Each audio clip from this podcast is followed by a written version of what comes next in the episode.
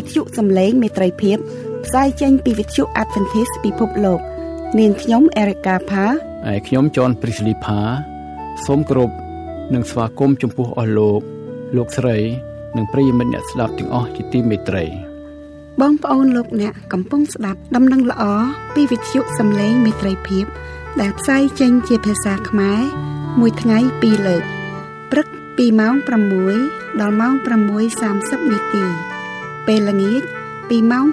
8ដល់ម៉ោង8:30នាទីយប់តាមរលកធាតុអាកាសខ្លី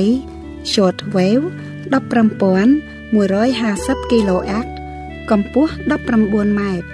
អ្នកស្រីសុនសវណ្ណានឹងជម្រាបជូននៅកម្មវិធីសម្រាប់ថ្ងៃនេះដូចតទៅ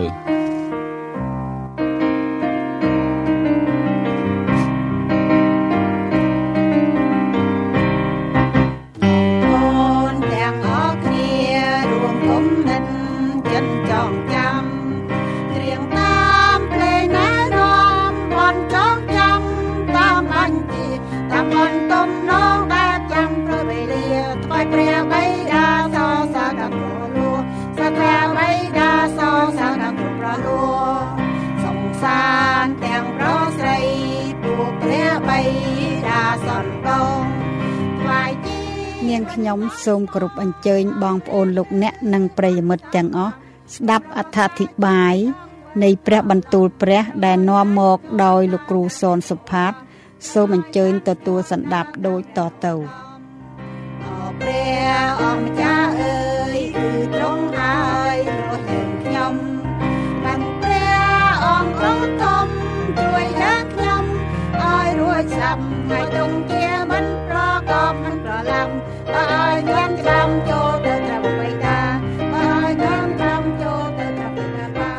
បាទសូមគ្រប់ស្វាគមន៍ដល់បងប្អូនសុនភ្ងានិងប្រិយមិត្តអ្នកស្ដាប់វិទ្យុសំឡេងមេត្រីភាពទាំងអស់ជាទីគោរពនិងជាទីមេត្រីកម្មវិធីយើងវិលត្រឡប់មកជួបបងប្អូនវិញតាមកម្មវិធីអត្ថាធិប្បាយនៃព្រះគម្ពីររ៉ូមឬក៏ដំណើរឆ្លងកាត់ព្រះគម្ពីររ៉ូមជាមួយលោកប៉ុលបងប្អូនលោកអ្នកយើងមកដល់នៅក្នុងជំពូក11មុនចាប់ផ្ដើមនៅក្នុងការមើលព្រះបន្ទូលរបស់ព្រះអង្គខ្ញុំសូមអញ្ជើញបងប្អូនទាំងអស់គ្នា បានសម្រុំកាយដើម្បីអធិដ្ឋាន អរព្រោះបិតាជាព្រះនៃទូមគុំដែលគង់នៅនគរឋានសួគ៌ទូមគុំសូមអរគុណព្រះអង្គចំពោះព្រះបន្ទូលដ៏រស់របស់ព្រះអង្គដែលទ្រង់បានប្រទានឲ្យយើងខ្ញុំទាំងអស់គ្នានៅពេលនេះទូមគុំសូមយាងព្រះញាតបរិសុទ្ធបានគង់សន្តិដ្ឋជាមួយបងប្អូនជាមួយទូមគុំនិងបងប្អូនអ្នកស្ដាប់ទាំងអស់នៅគ្រប់ទិសទីដែលកំពុងស្ដាប់ឮសារដំណឹងល្អរបស់ព្រះអង្គនៅថ្ងៃនេះសូមបានប្រពោ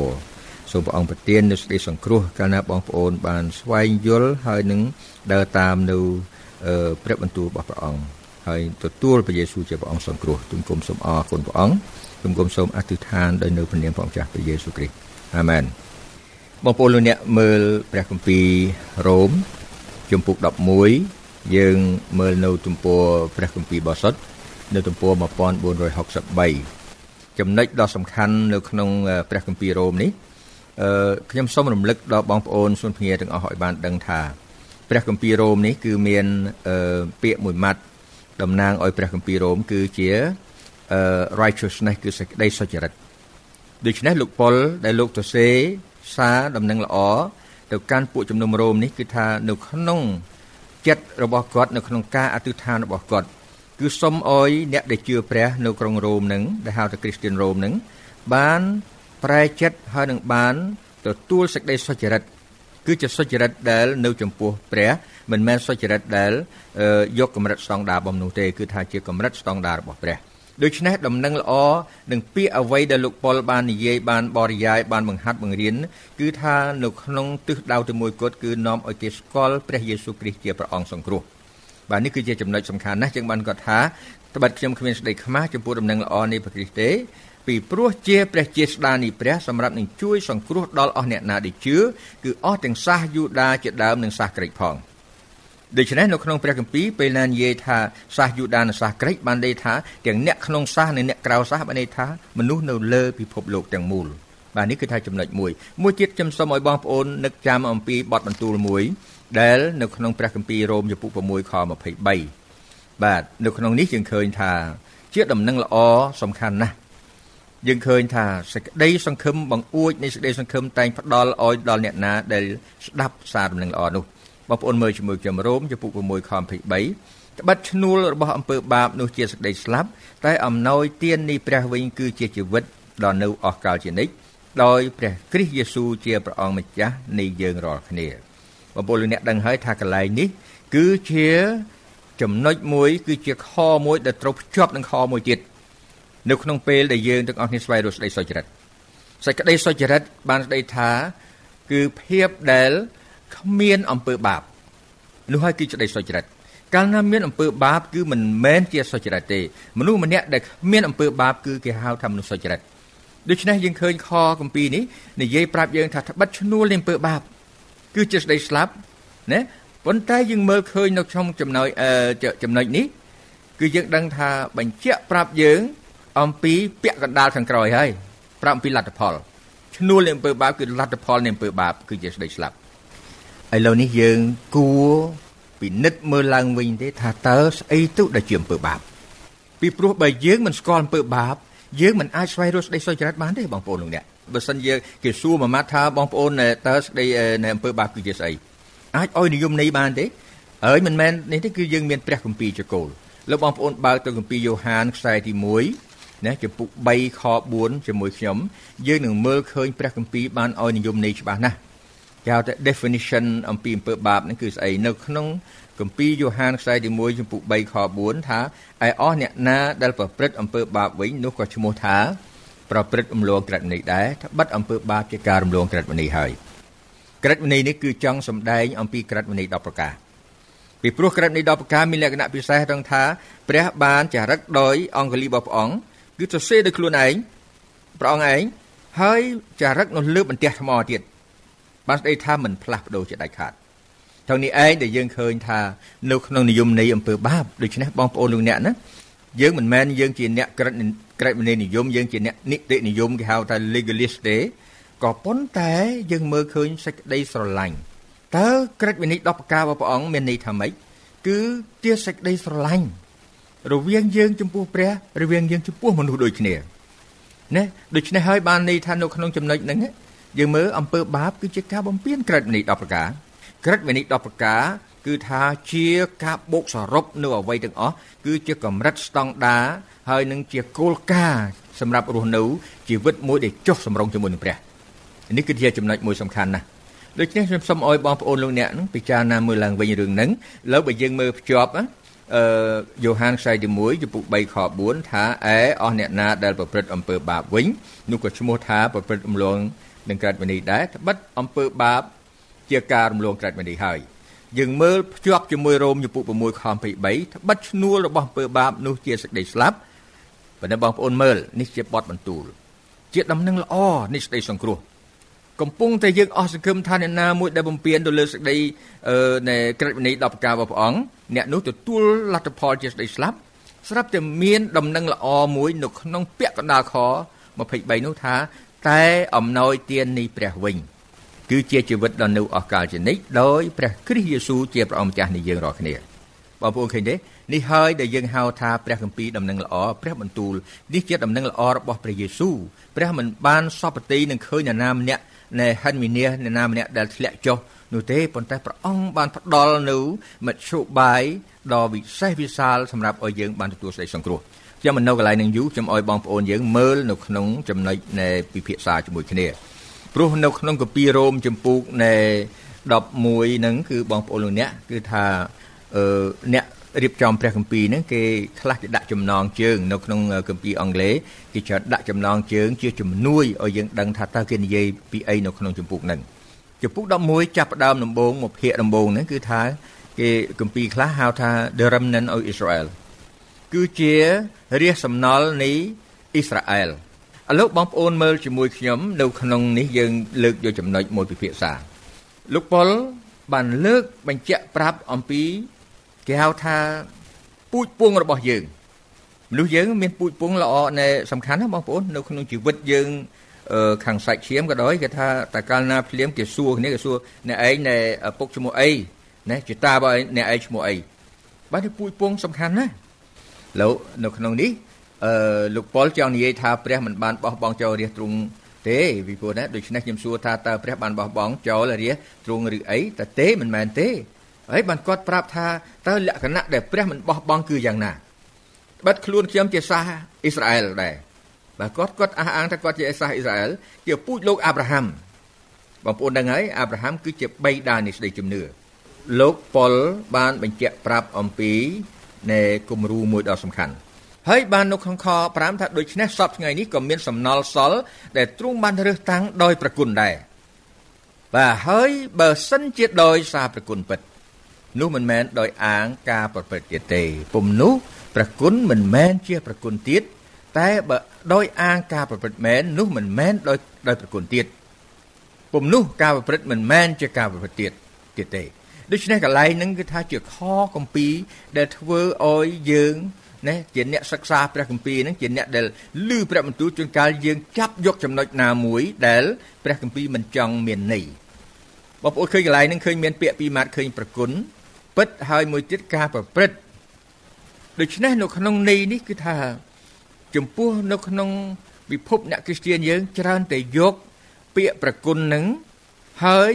នឹងនៃការប្រព្រឹត្តនឹងគឺថាប្រគុណគឺការដែលជឿទៅលើប្រគុណរបស់ព្រះអង្គដើម្បីបានទួស្ដីសង្គ្រោះហើយការប្រព្រឹត្តនឹងគេតែងតែដាក់ទៅលើថាអ្នកណាមួយដែលកាន់ក្រិតវិន័យ10ប្រការអ្នកនោះឯងគឺមិនមែនអាងលើប្រគុណគឺអាងលើការប្រព្រឹត្ត នេះគឺជាការបកស្រាយមួយដែលមិនសមស្របតាមព្រះគម្ពីរទេហេតុអីបានខ្ញុំថាអញ្ចឹងពីព្រោះនៅក្នុងការប្រព្រឹត្តនេះគឺមិនមែនគ្រាន់តែជាការកាន់ក្រឹតនេះ10ប្រការប៉ុណ្ណោះទេ គឺជាការដែលស្ដាប់អង្គព្រះពេលណាព្រះអង្គទ្រង់មានព្រះបន្ទូលយ៉ាងណាឲ្យយើងធ្វើអីគឺយើងធ្វើតាមព្រះអង្គយើងជឿយើងស្ដាប់តាមព្រះបន្ទូលរបស់ព្រះអង្គបាទដូច្នេះយើងឃើញថាព្រះគុណនឹងគឺនៅក្នុង ការដែលយើងសិក្សាជាមួយគ្នាយើងខ្ញុំតែងវិជ្ជាធ្វើអត្ថាធិប្បាយវិជ្ជាឲ្យបងប្អូនស្គាល់ឲ្យច្បាស់ពីព្រោះនៅក្នុងនេះព្រះគុណមានពីរព្រះគុណមួយគឺជាព្រះគុណដែលនាំទៅរកសេចក្តីសង្គ្រោះបាទព្រះគុណមួយដែលឲ្យយើងស្ដាប់អង្គព្រះដូចជាមានចែងនៅក្នុងព្រះគម្ពីរទីតោសជំពូក2បងប្អូនព្រះគម្ពីរទីតោសបងប្អូនមើលមួយខមើលទីតោសជំពូក2ខ ខ11ព្រះគុណនៃព្រះដែលនាំសេចក្តីសង្គ្រោះមកដល់មនុស្សទាំងឡាយបានលេចមកហើយទាំងបង្ហាត់បង្រៀនយើងរាល់គ្នាឲ្យលះចោលសេចក្តីថ្មីល្មើសនិងសេចក្តីប៉ងប្រាថ្នាក្នុងលោកនេះហើយឲ្យរស់នៅក្នុងសម័យនេះដោយសេចក្តីធ្ងន់ធ្ងរសេចក្តីសុចរិតដោយគ្រប់ប្រណបត្តិដល់ព្រះវិញប្រគុណដែលនាំសេចក្តីសង្គ្រោះគឺបង្ហាត់បង្រៀនយើងឲ្យស្ដាប់បង្គាប់ព្រះមិនអោយយើងបំពេញទៅលើក្រិតនេះរបស់ព្រះអង្គទេឲ្យលះចោលស្ដីថ្មីល្មើសគឺថាកុំអោយប្រព្រឹត្តរំលងក្រិតវិន័យ10ប្រការបាទដូច្នេះចំណុចនេះសំខាន់មែនទែន នេះគឺថាជាប្រគុណដ៏សំខាន់ដូច្នេះយើងទាំងអស់គ្នាមើលថាមានប្រគុណមួយទៀតដែលបង្រៀនថាជឿព្រះអង្គបានទៅនគរឋានសួគ៌បានទទួលស្ដីសង្គ្រោះដោយដោយជឿតែប្រគុណរបស់ព្រះអង្គបានហើយ គឺប្រគុណនោះគឺថាមិនបាននាំឲ្យយើងកោតខ្លាចព្រះមិនបាននាំឲ្យយើងកាន់យកចិត្តទុកដាក់កាន់ក្រឹបនេះដល់ប្រការទេពីព្រោះថាប្រគុណរបស់ព្រះជំនួសយើងហើយនេះកន្លែងនេះមួយដែលខ្ញុំសូមឲ្យបងប្អូនទាំងអស់គ្នាណា ថាពាក្យថាប្រគុណនោះបើយើងរកចែងក្នុងគម្ពីរណា ដែលបានបរិយាយបាញ់មិញហ្នឹងគឺថាអត់មានទេគ្មានកន្លែងណាមួយដែលចែងថាឲ្យយើងជឿលើប្រគុណរបស់ព្រះអង្គហើយមិនស្ដាប់អង្គព្រះនោះទេអត់មានសោះលើកលែងទៅនៅក្នុងហ្នឹងគឺយើងធ្វើការបកស្រាយខុសបកស្រាយខុសយ៉ាងម៉េចបកស្រាយនឹងថាដោយសារប្រគុណពិតនោះមិនមែនដោយអាងលើការប្រព្រឹត្តទេដូច្នេះគម្ពីរយ៉ាកុបម៉ាញ់មិញថាម៉េចគម្ពីរយ៉ាកុបម៉ាញ់មិញបើយើងមើលមកនៃយ៉ាកុបចំពុក2 អឺខ17ចំពុក2ខ17ឯសេចក្តីជំនឿក៏បែបដូច្នោះដែរបើគ្មានការប្រព្រឹត្តតាមទេនោះក៏ស្លាប់នៅតែឯងបងប្អូនមើលមកទៀតខ20អមនោះកំឡៅអើយអ្នកចង់ដឹងពិតឬទេថាសេចក្តីជំនឿដែលឥតមានការប្រព្រឹត្តតាមនោះឈ្មោះថាស្លាប់ហើយបានគាត់លើកនិយាយខំ21ចុះលោកអាប់រ៉ាហាំជាអាយកយើងតើមិនបានរាប់ជាសុចរិតដោយការលោកប្រព្រឹត្តក្នុងកាលដែលលោកបានថ្វាយអ៊ីសាក់ជាកូន នៅលើអាសនៈទេរីអីខ22ថាដូច្នេះអ្នកឃើញថាសេចក្តីជំនឿបានរួមជាមួយនឹងការដែលលោកប្រព្រឹត្តហើយសេចក្តីជំនឿបានគ្រប់លក្ខដោយសារការនោះឯងខ24ដូច្នេះគឺជាការសន្និដ្ឋាននៅក្នុងកថាខណ្ឌហ្នឹងថាដូច្នេះអ្នករាល់គ្នាឃើញថាមនុស្សបានរាប់ជាសុចរិតមិនមែនដោយសារតែសេចក្តីជំនឿប៉ុណ្ណោះទេគឺដោយសារការប្រព្រឹត្តដែរកន្លែងនេះការដែលយើងអាចនាំទៅរកការបកស្រាយខុសចង់ថាយើងចាប់យកមួយ ណាយើងចាប់យកនៃសេចក្តីជំនឿហើយយើងចោលការប្រព្រឹត្តនៅក្នុងនេះដែលខ្ញុំនិយាយពីជំនឿពីព្រោះថាជំនឿរបស់យើងតើយើងយកអ្វីជាមូលដ្ឋាននៅក្នុងពិភពគ្រីស្ទានច្រើនតែយកជំនឿយកប្រគុណមកធ្វើជាមូលដ្ឋានប៉ុន្តែឥឡូវយើងសួរនាំគ្នាសួរមើលថាតើយើងទាំងអស់គ្នាស្គាល់អត្តន័យនៃពាក្យប្រគុណដែរឬទេ ពាក្យថាប្រគុណតើបានន័យថាម៉េចព្រះគុណរបស់ព្រះបងប្អូនទាំងអស់គ្នាបើយើងពិចារណាមើលមែនទែនណា បងប្អូនមើលនៅក្នុងពេលដែលព្រះយេស៊ូវគេយកព្រះអង្គទៅឆ្កាងនៅលើឈើឆ្កាងរហូតដល់ព្រះអង្គសគត់ខ្ចាយព្រះលោហិតហើយបានសគត់នៅលើឈើឆ្កាងណារួចហើយព្រះអង្គមានបជនរស់ឡើងវិញប៉ុន្តែខ្ញុំចង់និយាយពីការសគត់របស់ព្រះយេស៊ូវនៅលើឈើឆ្កាងនោះហើយគឺជាព្រះគុណព្រះគុណប្រែឲ្យខ្លីថាជាគុណរបស់ព្រះ ដែលព្រះអង្គគ្មានទោសសោះទ្រង់ទៅទទួលយកអស់ទាំងអំរែកនៃអំពើបាបជំនួសយើងរាល់គ្នា ដើម្បីឲ្យយើងបានទទួលសេចក្តីសង្គ្រោះបងប្អូនស្ដាប់តន់កន្លែងហ្នឹងទេនេះហើយគឺជាប្រគុណណាភាសាអង់គ្លេសហៅថា the grace of God can be summarized as Christ died on the cross to atone our sin that is grace ដូច្នេះយើងឃើញថាម៉េចបងប្អូនយើងឃើញថាព្រះគុណរបស់ព្រះអង្គនឹងគឺពេលណាដែលព្រះយេស៊ូវសគត់នៅលើជើងឆ្កាងហើយលួសបាបយើងនឹងហើយគឺជាព្រះគុណ ដូច្នេះយើងមិនអាចនឹងគិតថាតើព្រះគុណរបស់ព្រះអង្គណាជារឿងមួយសាមញ្ញរឿងមួយងាយស្រួលដូច្នេះខ្ញុំចង់ឲ្យបងប្អូនជាទាំងអស់គ្នា ថ្ងៃនេះយើងមើលពីអត្តន័យមួយដ៏សំខាន់ទៀតអំពីពាក្យថាប្រគុណតើប្រគុណយើងទទួលនៅពេលណាខ្ញុំចង់នាំបងប្អូនដើរជាមួយព្រះយេស៊ូវនៅក្នុងព្រះគម្ពីរ នៅក្នុងព្រះគម្ពីរម៉ាថាយដែលយើងមើលរាល់តែថ្ងៃរាល់តែពេលប៉ុន្តែថ្ងៃនេះយើងមើលនៅក្នុងពន្លឺមួយគឺពន្លឺនេះឈើឆ្កាងយើងមើលទៅក្នុងពន្លឺនេះឈើឆ្កាងពីព្រោះថាដំណឹងល្អត្រូវតែណែឈ្មោះទៅលើយកព្រះយេស៊ូវគឺជាគោលចំណុចកណ្ដាលបំផុតនៅក្នុងដំណឹងល្អរបស់យើងបើពុំដូច្នោះទេសេចក្តីអឺផ្សព្វផ្សាយរបស់យើងដំណឹងល្អរបស់យើងនោះគឺថាវាគ្មានន័យអ្វីទាំងអស់ពីព្រោះថា យើងមិនបានទទួលនៅការយល់ព្រមអំពីព្រះជាម្ចាស់នៃនគរឋានសួគ៌គឺជាព្រះយេស៊ូវបងប្អូនបើកទៅគម្ពីរម៉ាថាយជំពូក3យើងមើលឃើញចំណុចមួយនៅក្នុងពន្លឺនៃឈើឆ្កាងរបស់ព្រះអង្គអឺបងប្អូនមើលនៅក្នុងជំពូក3ខ13ថាព្រះយេស៊ូវទ្រង់យាងពីស្រុកការីលេ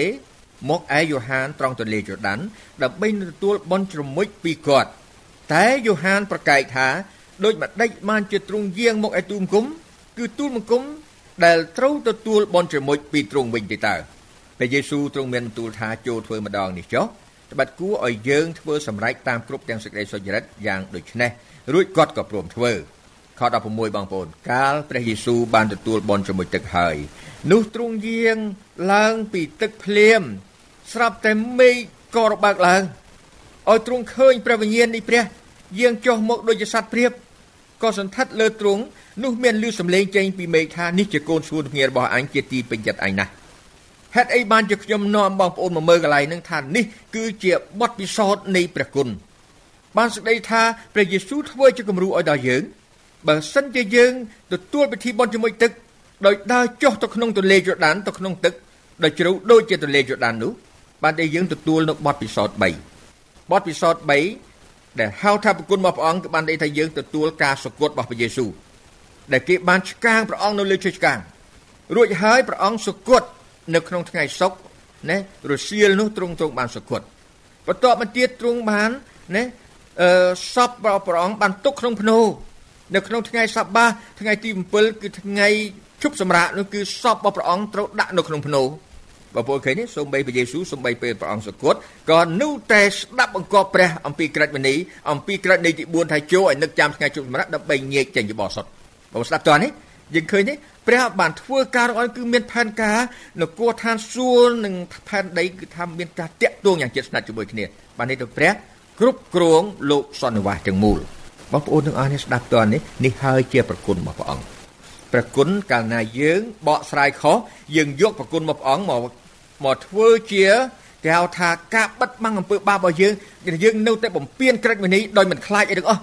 ពីព្រោះយើងដឹងថាព្រះអង្គមានប្រគុណសម្បើមណាស់សម្រាប់យកមកចែកចាយរាល់ថ្ងៃ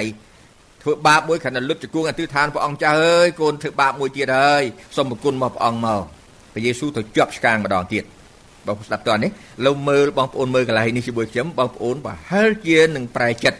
ចំពោះបងប្អូនណាដែលពឹងអាងលើប្រគុណសម្រាប់ការដែលគ្របបាំងអំពើបាបហើយខ្ញុំនិយាយនេះមិនមែនបានន័យថាពួកក្រុមជំនុំយើងយើងមិនពឹងអាងលើប្រគុណទេបងប្អូនណា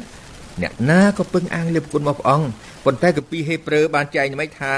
ណាឲ្យយើងទាំងអស់គ្នាធ្វើម៉េចបងប្អូនដូច្នេះត្រូវឲ្យយើងរាល់គ្នាមកដល់បលាំងនៃប្រគុណដោយក្លាហានដើម្បីទទួលសេចក្តីមេត្តាហើយរកបានប្រគុណសម្រាប់នឹងជួយដល់ពេលត្រូវការចុះ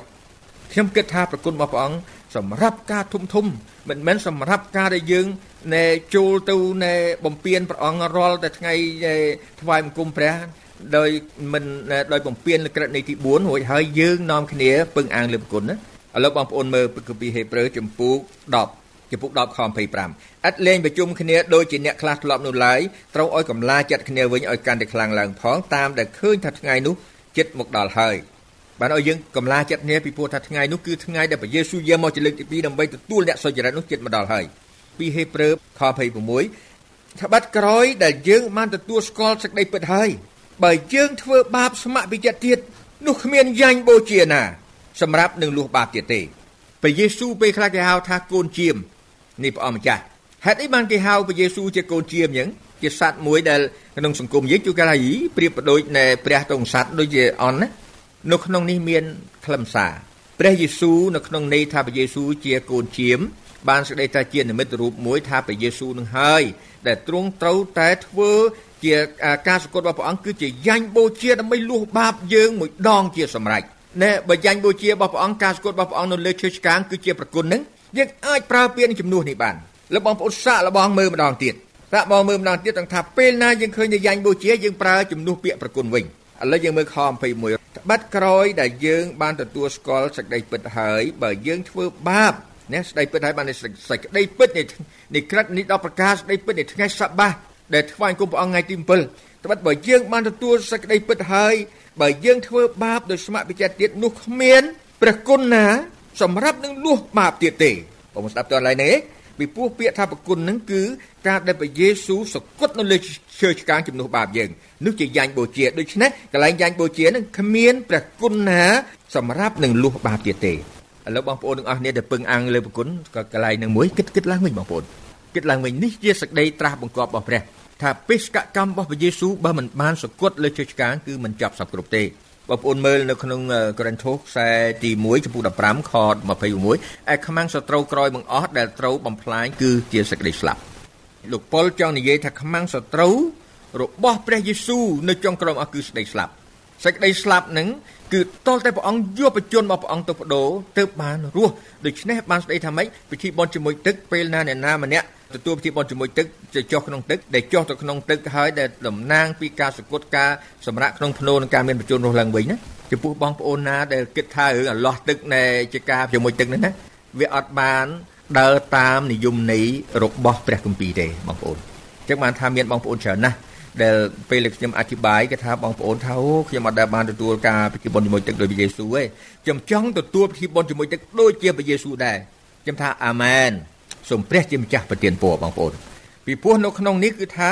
តំណាងឲ្យការសគត់របស់ព្រះយេស៊ូវការព្រះអង្គគង់នៅក្នុងភ្នោនិងការព្រះអង្គមានបជនរស់ឡើងវិញដូច្នេះយើងឃើញថាផ្សារភ្ជាប់នឹងគម្ពីរកូរិនថូសចំពុក15នេះបានន័យថាម៉េចខ្មាំងសត្រូវចុងក្រោយបង្អស់ដែលត្រូវបំផ្លាញនោះគឺសេចក្តីស្លាប់កន្លែងនោះហើយដែលព្រះយេស៊ូវបានប្រកាសជ័យជំនះទៅលើអំពើបាបទៅលើសេចក្តីស្លាប់បងប្អូនមើលជាមួយខ្ញុំនៅក្នុងខចំពុក15ខ55អូសេចក្តីស្លាប់អើយត្រនិចឯងនៅឯណា សេចក្តីស្លាប់អើយជ័យជំនះរបស់ឯងនៅឯណានេះគឺជា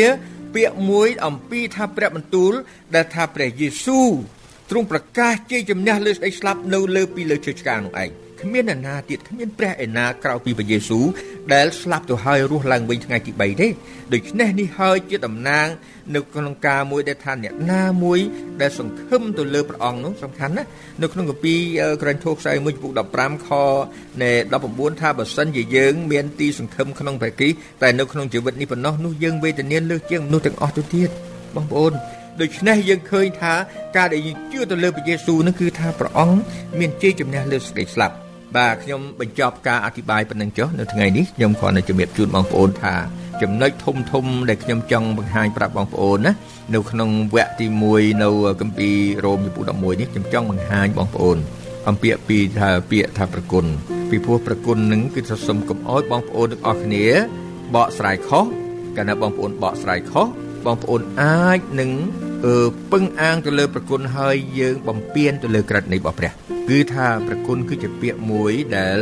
ជាបោកច្បល់ធ្វើឲ្យបងប្អូនយើងស្មាននៅក្នុងពិភពអ្នកគ្រីស្ទាននឹងណាហើយយើងប្រើប្រាស់ដើម្បីគ្របបាំងអំពើបាបដូច្នេះការនោះមិនត្រឹមត្រូវទេដូច្នេះយើងត្រូវធ្វើម៉េចគឺថាព្រះជាម្ចាស់បានមានព្រះបន្ទូលប្រាប់ថាម៉េចថាអ្នកណាដែលស្មោះត្រង់នឹងព្រះអង្គ ស្មោះត្រង់ដូចជានៅក្នុងនេះគឺយកលោកអាប់រ៉ាហាំជាគំរូហើយយកលោកណាមួយទៀតលោកអេលីយ៉ាជាគំរូខ្ញុំមិនបានអធិប្បាយពីលោកអេលីយ៉ាទេហើយជាកម្មវិធីក្រោយខ្ញុំជំរាបប្រាប់ខ្លះអំពីនៃលោកអេលីយ៉ាដែលជាគំរូលោកអេលីយ៉ាគឺជាហោរាដែលកែតម្រង់នៅក្នុងសេចក្តីជំនឿរបស់កូនចៅអ៊ីស្រាអែលបាទដូច្នេះយើងកម្មវិធីក្រោយយើងនឹងនិយាយពីការនោះបាទសូមព្រះជាម្ចាស់ប្រទានពរបងប្អូនអាមែនបង